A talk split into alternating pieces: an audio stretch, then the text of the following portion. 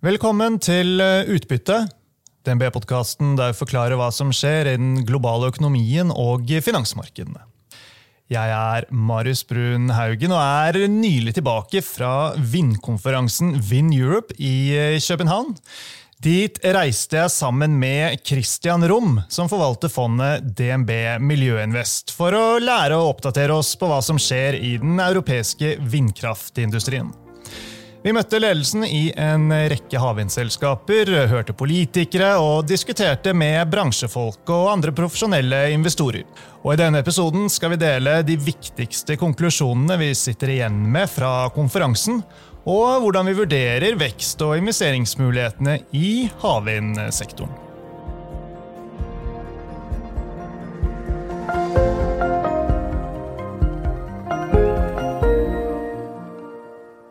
Ja, velkommen til studio, Kristian. Tusen takk, Marius. Ja, hvor effektivt og lønnsomt eh, vindkraft eh, vil bli i løpet av eh, de neste tiårene, og hvor stor del av energimiksen det vil utgjøre for oss europeere, det har vel ingen av oss fasiten på. Men at dette er en industri som sannsynligvis står foran mange mange år med solid vekst, og at det er ønsket veldig velkommen av myndighetene i Europa. Det er det vel eh, liten tvil om. Og havvind det kommer eh, for fullt, virker det som eh, for meg. Selv om det er dyrere å bygge til havs enn på land. Er det et sånn inntrykk som har forsterket seg hos deg etter København-turen vår? Ja, det vil jeg si. Selv om det var tydelig før vi vendte nesen mot København, så, så er det veldig tydelig når man kommer ned dit hvor stor denne bransjen har blitt, og hvor, hvor mye vekst og investeringer som, som, legges ned her, men som også må legges ned fremover eh, for å gjøre dette til eh, en, en, eh, ja, en, en veldig stor og, viktig del av den energiforvandlingen da, vi skal ha fram til en netto nullutslippsverden i, i 2050. Mm. Og fondet ditt, Christian, DNB Miljøinvest investerer jo hovedsakelig i selskaper som bidrar til å redusere energirelaterte klimautslipp.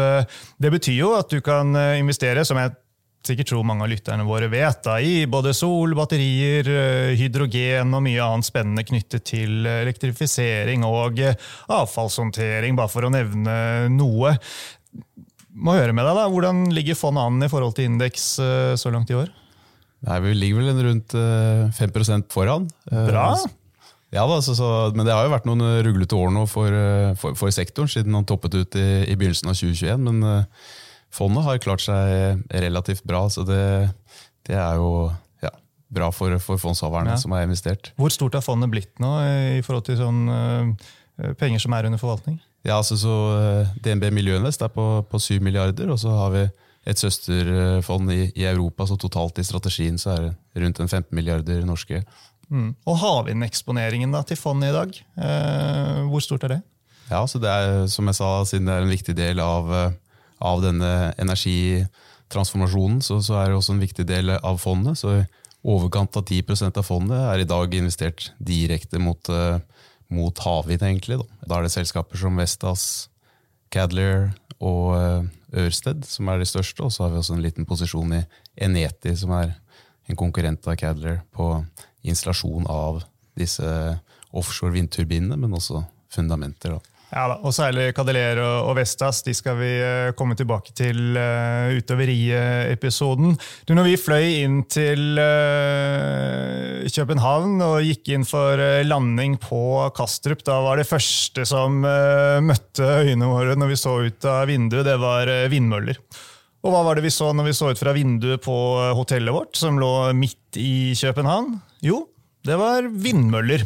Så det slo jo meg at Vindkraft det har en litt sånn annen plass og mindset rett og slett, da, hos eh, danskene enn hos oss eh, nordmenn. Og så er det selvfølgelig noen gode grunner da, til eh, det. Vi har vannkraft, vi har gass og olje osv. Men jeg klarer ikke helt å unngå å tenke at uh, dette her det må jo gi danskene en fordel i årene fremover, hvis vindkraft uh, virkelig tar av. Altså, de har jo til og med planer på tegnebrettet da, riktignok om å bygge en kunstig øy for uh, vindmøller. Det var det du som fortalte meg om uh, mens vi var nede i uh, København, så du får fortelle lytterne kort. da, hva det du fortalte meg. Ja, så, så her er det snakk om en da, ny øy som skal komme på det danske kartet, som skal bygges i, i, i Nordsjøen. og for da fasilitere at man kan bygge offshore vindparker enda lenger fra land, og at man kan koble disse vindparkene siden de blir store. Eh, den her er forventet å være på over 3 gigawatt til å begynne med. og Det, det er noe sånn som eh, tre millioner husstander og, og, kanskje halvparten av eh, Danmarks energibehov. Og De har tenkt å bygge en øy til, så da er oppe i hele, hele energibehovet til Danmark. Så det blir jo da viktig å koble dette sammen med, med andre land. Og også muligheten til å konvertere dette på disse øyene til f.eks. Power to X, som betyr og f.eks. kunne gjøre det om til, til hydrogen, grønt hydrogen, og, og, koble disse energisiloene enda tettere sammen. Da, eh, som vil, vil, være noe vi trenger hvis vi skal nå disse målene på nullutslipp i, i 2050. Og det er ikke bare Danmark som tenker på disse øyene, det er også tenkt på en i, utenfor eh, Belgia, eh, som ligger enda litt lenger fram i løypen. Så disse tre øyene til sammen er forventet noe sånn som 10 gigawatt av offshore vind, eh, som skal komme opp i andre halvdel av dette tiåret. Og som da vil utgjøre noe sånn som 10% av det som er forventet å bygge av offshore vind i Europa. Så store prosjekter, men man har nok også kommet dit nå at man trenger å tenke litt større og være litt mer kreativ for, for virkelig å få akselerert dette, siden industrien allerede begynner å bli, eh, ja, bli større. Så det krever jo også men fortsatt trenger å vokse enda mer. Eh, så da trenger man å være litt mer kreativ og tenke, tenke større. Ja, og, og, vi skal ikke gå dypere inn i akkurat eh, det der i, dag, men jeg tok det med, da, for jeg syns det er et sånn bra eksempel på ambisjonene der ute, som er store. Altså, du kan jo vingsektoren godt fra før, Christian, men for meg så ble jo disse dagene i København et sånn innmari hektisk, men også veldig bra intensivkurs. da. Og mm, en annen ting som jeg sitter igjen med fra konferansen, det er jo på en måte, det er akkurat det her med størrelsen. og Da tenker jeg ikke bare på de 15 000 menneskene som eh, deltok, de 500 selskapene som var eh, representert på Win Europe, men eh, mer den der erkjennelsen av formen på industrien, og at dette er så mye mer enn bare vindmøllene eller vindturbinene. altså Alt fra det der å ha de riktige skrutrekkerne og, og boltene til droner, til inspeksjonsverktøy, til sikkerhet, til kraner på skipene som skal installere det. Eh, det var helt nye oppstartsselskaper, det var rene vindselskaper. det var eh, forsyning. Det var olje- og gasselskaper som har gått inn i eh, vind. Så jeg vet ikke om på en måte bransjeglidning er det riktige ordet her, men det må jo være positivt hvis man klarer å forene alle disse kreftene, da, tankene og ideene på tvers av ulike typer fornybar energi og fossil energi.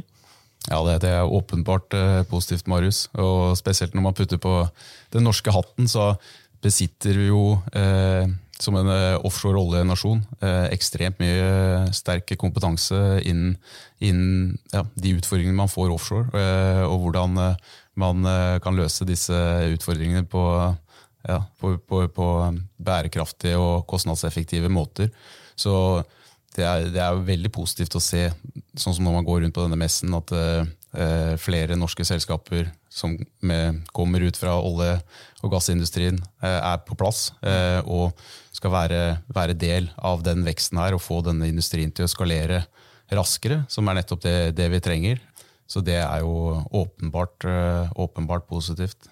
Vi var jo eh, med på et opplegg der vi eh, møtte ledelsen i masse forskjellige spennende selskaper. Eh, mens et av disse møtene pågikk, så valgte jeg å heller gå ut og høre på politikerne som var og talte til de som ønsket å høre på Danmarks klimaminister Lars Aagaard, han sa vi trenger fart, sa han.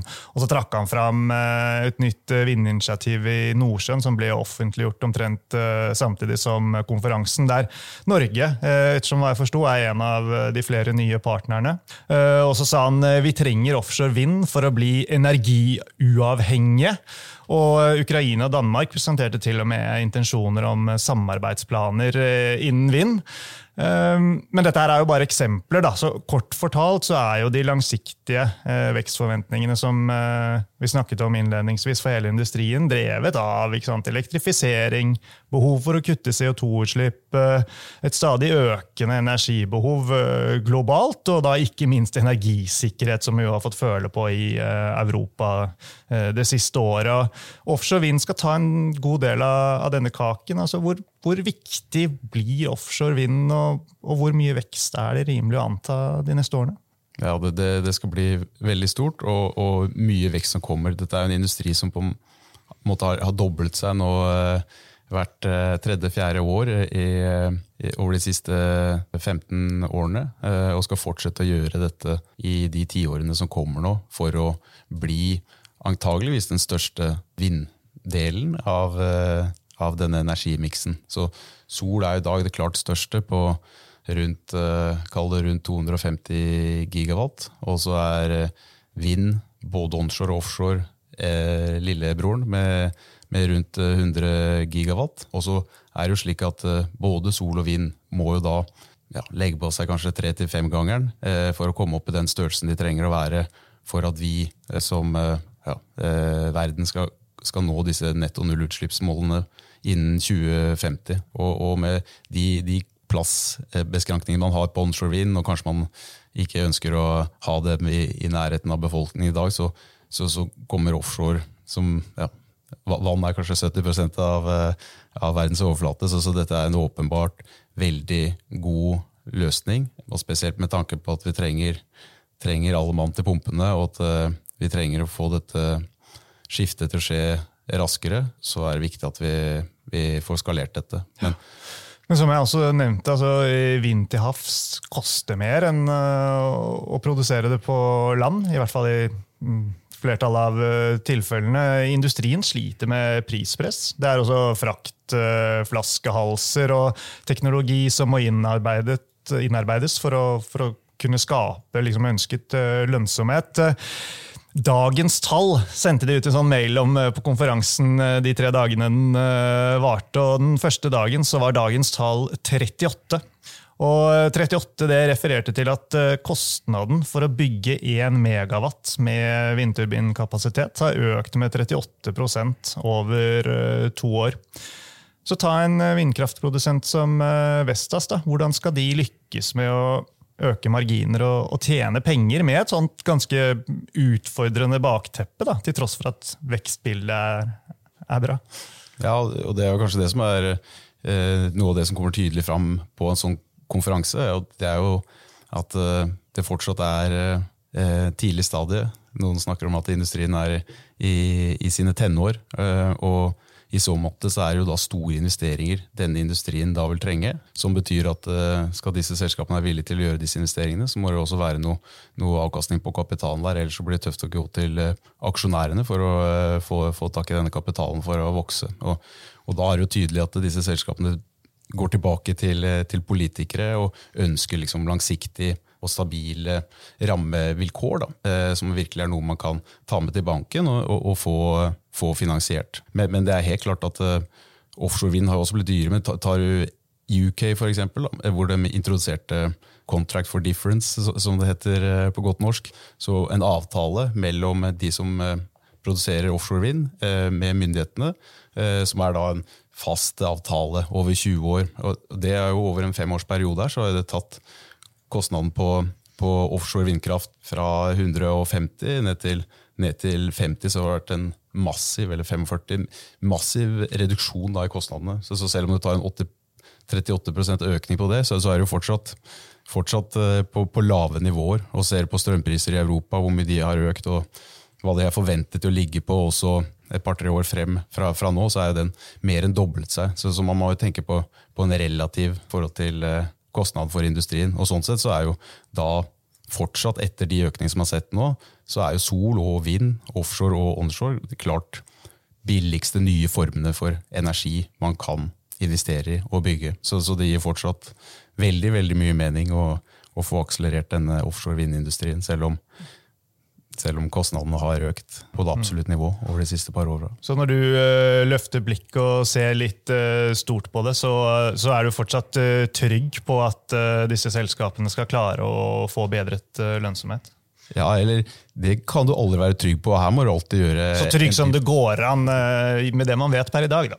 Ja, ja for de som har konkurransefortrinn i tillegg, sånn at de faktisk bringer noe unikt til torgs, så vil det med den veksten som er forventet i denne bransjen, åpenbart være gode muligheter for, for eh, investorene som investerer i de, de selskapene. Men, men, så er, er, ikke all vekst uh, nødvendigvis godt for, for aksjonærer, så, så det er mange av disse selskapene som kanskje har ja, eh, lavere konkurransebarrierer, og hvor, hvor, på en måte det blir mer et, et syklisk spill, da, hvor du må passe på å være, være investert i riktig tid i, i sykelen. Ja.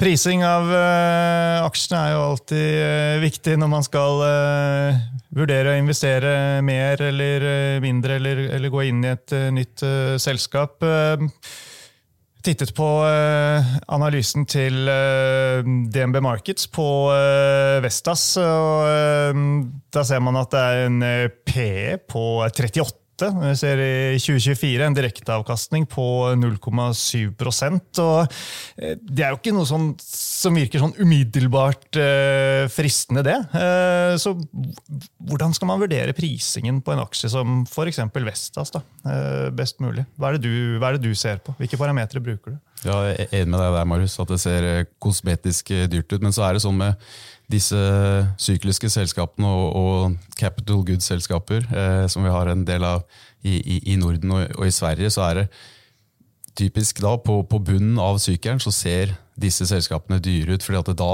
du har en del eh, faste kostnader. Eh, du har da lavere salg enn, en du har på, på, topp, som gjør at eh, lønnsomheten til selskapet da, eh, i de årene eh, er lav, som gir deg en høy multiple. Så da må du er du egentlig nødt til å eh, jobbe med litt eh, andre multipler og, og jobbe litt opp. Så hvis du ser f.eks. på, på EVs salg da, eh, på, på, Vestas, som gir, da, gir deg litt av mer av potensialet eh, i forhold til når man kommer tilbake fra, fra en nedgangssykkel som man har hatt nå, og, og sammenligner det med, med, relativt i forhold til andre capital goods-selskaper i Europa, så ser en jo attraktivt priset ut, vil jeg si, både på, på, på relativen og, og, og, på absolutt. Så det er vel hoved, hovedforklaringen på, på, verdsettelsen, da, eh, og hvorfor eh, Vestas er høyt oppe i Miljønest-porteføljen. Mm, Får bare ta med da, at Analyseteamet til DNV Markets de har en eh, kjøpsanbefaling og kursmål på 240 danske kroner på Vestas. Estimatene deres er at uh, topplinjeveksten ventes å uh, være ganske sånn flat for uh, i år, altså 23, men så øke videre da i 24 og 25. og det er først i 2024 at selskapet, nå refererer jeg igjen da, til denne analysen til DNB Market, skal generere overskudd og, og, komme i utbytteposisjon. vil utbytte vil det være en sånn ekstra positiv for et selskap som Vestas? Jeg, jeg tror ikke utbytte er eh, det viktigste og den største driveren i, i, den aksjen, ettersom vi har snakket om nå tidligere for den industrien, og egentlig litt for fondet som helhet. Når du er i en, en sektor som det her, som fortsatt må skalere opp og skal bli betydelig større enn den er i dag, så, så kommer det også naturlig at det, det er mye investeringer som skal, skal gjøres, som også gjør at du må holde igjen, litt på utbyttet, siden du må investere en større andel av kapitalen. Men det er jo nettopp fordi at den kaken eller inntjeningsmulighetene til disse selskapene blir enda større eh, ned i veien som et resultat av de investeringene de gjør i dag til, til kapasitet, sånn at dividendepotensialet til disse selskapene blir enda større, ser man litt lenger frem. Da. Um, så, så jeg, tror ikke, jeg, tror ikke, det er dividenden som, som driver eh, Vestas sitt korte bilde, men, men, åpenbart over tid så er jo selskapets evne til å generere avkastning og eh, driver med lønnsom vekst og, og, mulighet til å betale utbytte, som, som, som driver, driver, en aksje. Ja, og, og, Nå skal vi ikke bare snakke om uh, vindkraftprodusentene, altså, men uh, vi kan ikke slippe Vestas helt uh, ennå. Altså, de er i en ganske bra posisjon sånn rent konkurransemessig. er det ikke det? Altså, hvem er de største konkurrentene til, til Vestas? Ja, altså, det, det, har jo vært en spennende å følge som jeg har gjort da i, i, i, nærmere 15 år, som jeg har fulgt den industrien, så har det vært en veldig forskjellig utvikling da, i, i, vindsektoren versus uh, solsektoren. Solsektoren har jo blitt totalt uh, tatt av uh, kinesiske subsidiert kapital og, og, og en vilje til å investere, som har gjort at eh, europeiske selskaper amerikanske selskaper ikke har, har kunnet konkurrere og, og, mistet helt fotfeste. Mens hvis man ser på, på vindsektoren, så er det jo nå blitt så konsolidert at du, du hovedsakelig, i hvert fall hvis du tenker offshore, eh, har, har, tre selskaper hvor du har Siemens Gamesa, du har GE og du har Vestas, og hvor de har på en måte hele det, nesten hele det, det, det vestlige markedet, eh, og hvor kineserne mangel på viljen til å investere i en serviceorganisasjon. og Siden dette er bevegelige deler, vanskeligheten med å ta dette til, til en bank og få dette finansiert, så har, eh, har det blitt en veldig annen utvikling da, eh, i, i, i vindsektoren enn en, en i solsektoren. Så ja, en slik konsolidert bransje med en stor andel av, av inntjeningen som kommer fra tjenester, eller altså services, så, som er en recurring modell hvor, hvor du får inntjening på, på lange kontrakter, eh, 10-20 års kontrakter, så, så, så, ser jo det attraktivt ut. Mm.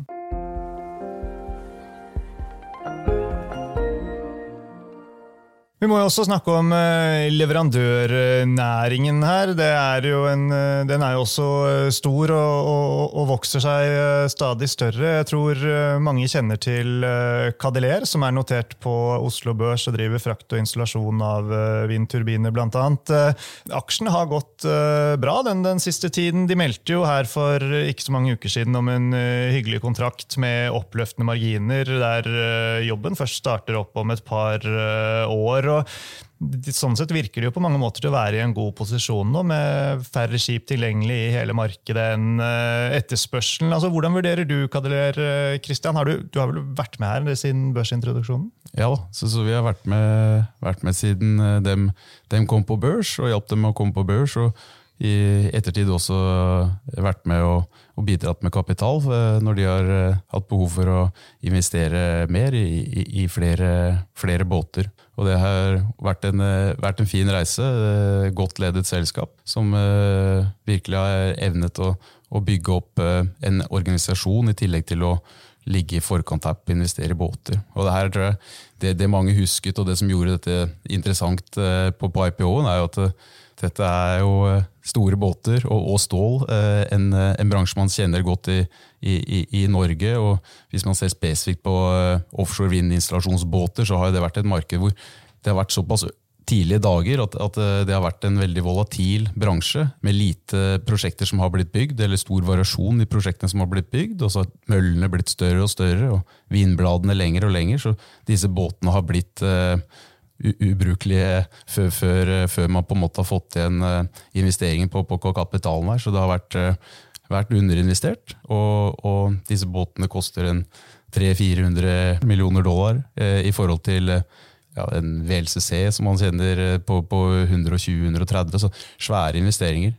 Og ja, Padler har vært villig til å ta, ta, ta, ta risk her. Og, og, nå som dette markedet blir større, og man ser en en bedre utilization på disse båtene, og disse båtene kan leve i, i lenger enn en bare en fem-tiårsperiode, så, så, så, er jo det interessant. Ja, Men øh, kan øh, både Cadeler og de andre som leverer tilsvarende tjenester, komme i en veldig bra posisjon over de øh, neste årene, eller skal man være redd for at markedet kan bli bygget i hjel med, med, for mange skip.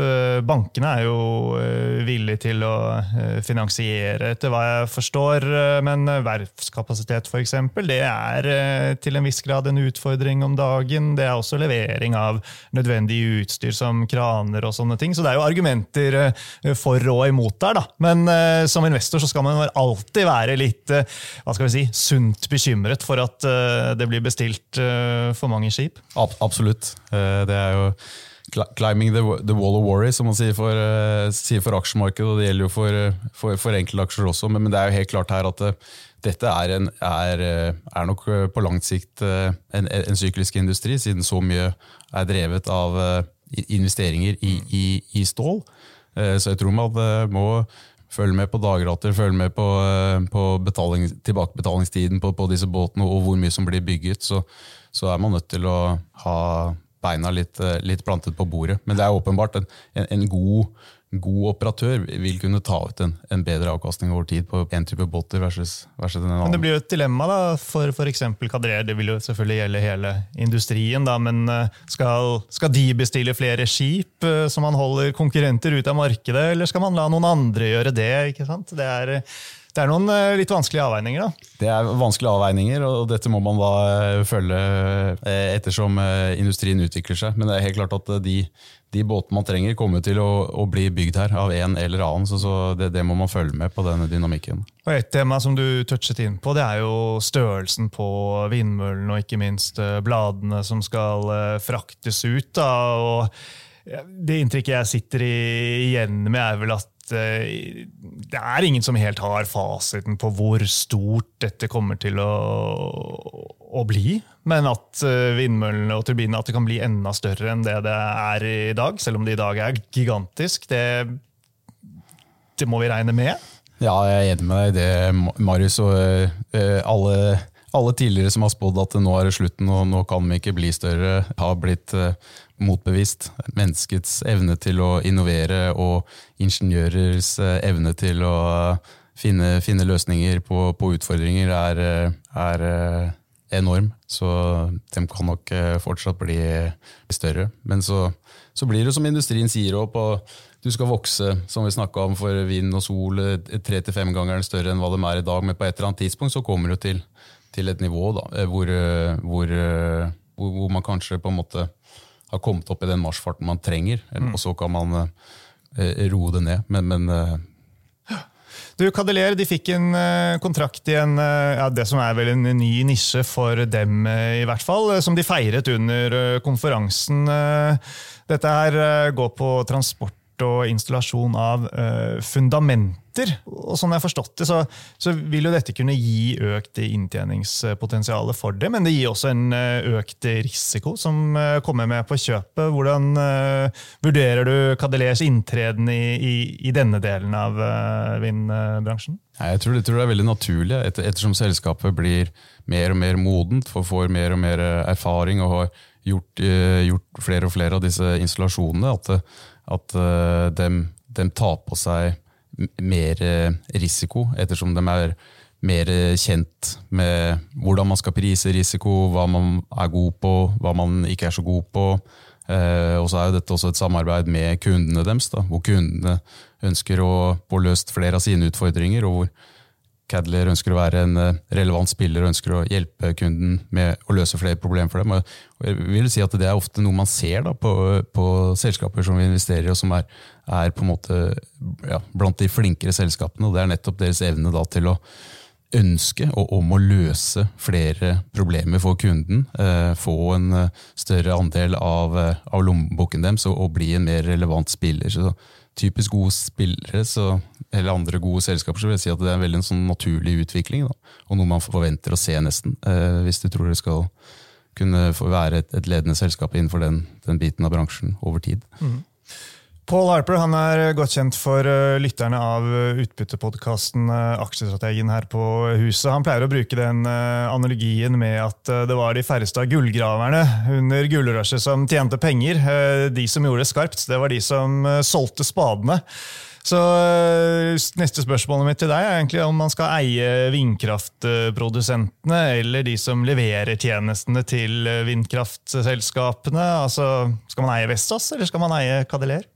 Veldig, veldig, relevant spørsmål. Jeg tror ikke man skal stoppe der heller. Man må tenke enda, enda lenger ut i, i, i, verdikjeden og tenke skal man, er det andre underleverandører her som faktisk har dette som bare en liten del av sin forretning, men som har gjort denne type forretning i, i kanskje hundrevis av år, som, som, virkelig bringer det helt unike, og som har en større evne da, til å kunne ta ut en bedre avkastning på, på kapitalen over tid. Så, så svaret på det er jo ikke gitt, og, og det vil også være, variere veldig fra eh, hvilke punkt du er i sykkelen. Men tar f.eks. et annet selskap vi har i porteføljen som heter Amphenol, som, er verdensledende når det kommer til eh, sensorer og, og connectors, så er de også en underleverandør inn i, i vindindustrien, men hvor, hvor, dette er en liten del av deres, uh, deres forretning. Men hvor også elbiler og andre biter uh, innen denne elektrifiseringstrenden også er, er en medvind for, for, dette selskapet, og som da åpenbart er godt posisjonert til å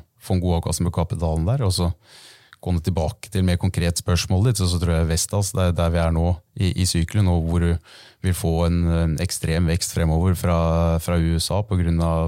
denne tidenes største subsidiepakke som kommer der, og i tillegg til det man prøver å, å helt klart jobbe med i Europa for å akselerere det, det, grønne skiftet, og spesielt drevet av på en måte den energikrisen vi har hatt der, så, så, så tror vi det, det, er veldig riktig å være investert i både både Cadler og, og Vestas på, på, dette punktet. Men, ja, men, men åpenbart. Ja, og Vestas og Cadeler her var mer bare som eh, eksempler, da, for å, på en måte eksemplifisere hva, hva som er ment og forskjellen her. Men, eh, men bra. Uh, Avslutningsvis eh, tenkte jeg bare touche litt på sentimentet da, rundt uh, fornybaraksjene. For det har jo ikke vært så mye å skryte av uh, det siste året. Jeg sitter bl.a. og følger med på handlemønstrene til privatinvestorene våre når de handler aksjer. det er veldig lite aktivitet å spore i fornybaraksjene når du ser på en sånn kurv av de.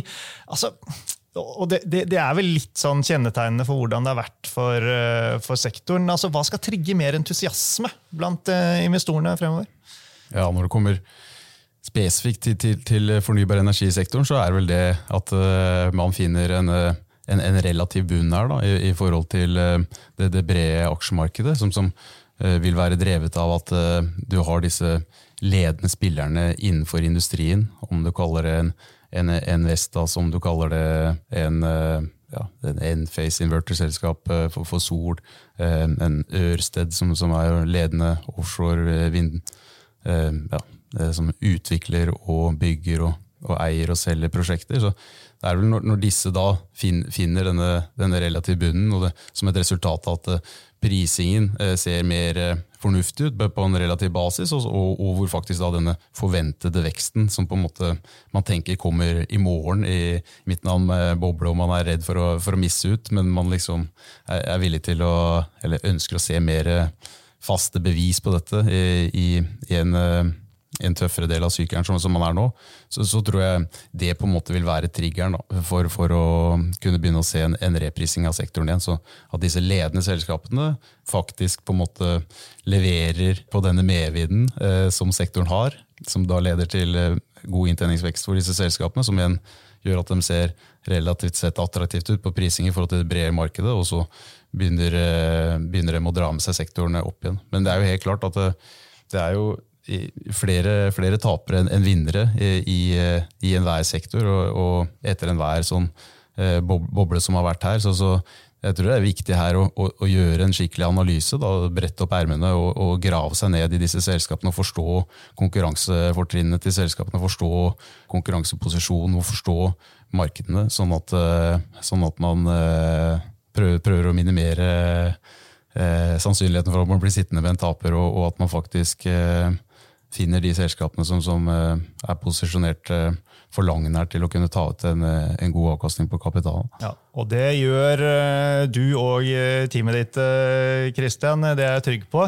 Så hvis vi skal avslutte her da, med en liten konklusjon, altså hvor attraktivt er offshore vind som, som aksjeinvestering, og, og hvor attraktivt er det opp mot andre fornybarbransjer, som sol, hydrogen, batterier og karbonfangst. Ja, det, det er jo Gitt av mandatet så, har vi en bred og porteføljen har en bred eksponering mot, uh, mot uh, miljøtema. Men uh, når vi da, som vi var inne på innledningsvis, at mer, mer enn 10% er, er, investert mot offshore vind i, i dag, så, så, så, vil jeg påstå at det reflekterer at, at framtidsutsiktene for den, den sektoren er er eh, meget interessante. Eh, hvor man har hatt noen tøffe år bak seg her nå, og hvor, eh, hvor man går litt litt bedre tider i møte, hvor, hvor, hvor veksten virkelig, virkelig, tar seg opp da, i antall installasjoner, ettersom man har, har kommet seg gjennom liksom, de første fasene med, med vekstsmerter. Men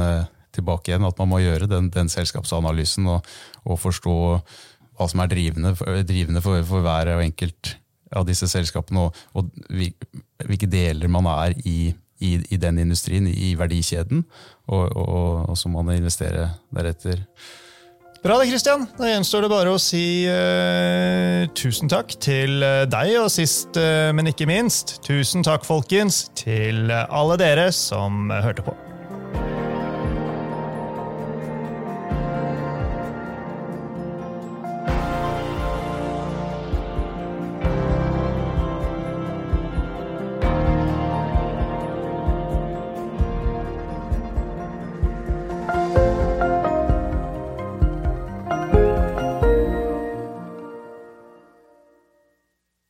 Denne sendingen ble publisert i podkasten Utbytte.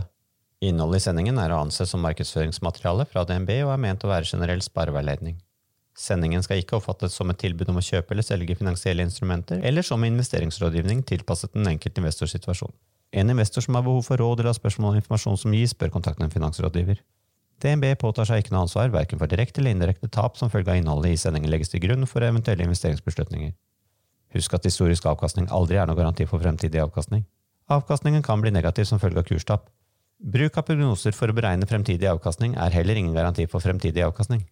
Innholdet i sendingen bygger på informasjon fra offentlig tilgjengelige kilder som DNB ser på som pålitelige, men som ikke er uavhengig verifisert. Følgelig gir DNB ingen garanti i forhold til nøyaktighet og fullstendighet. Alle uttalelser her reflekterer DNBs, den enkelte ansatte, eller andre tredjeparts vurderinger på tidspunktet for den aktuelle sendingen, og kan i ettertid endres uten nærmere beskjed.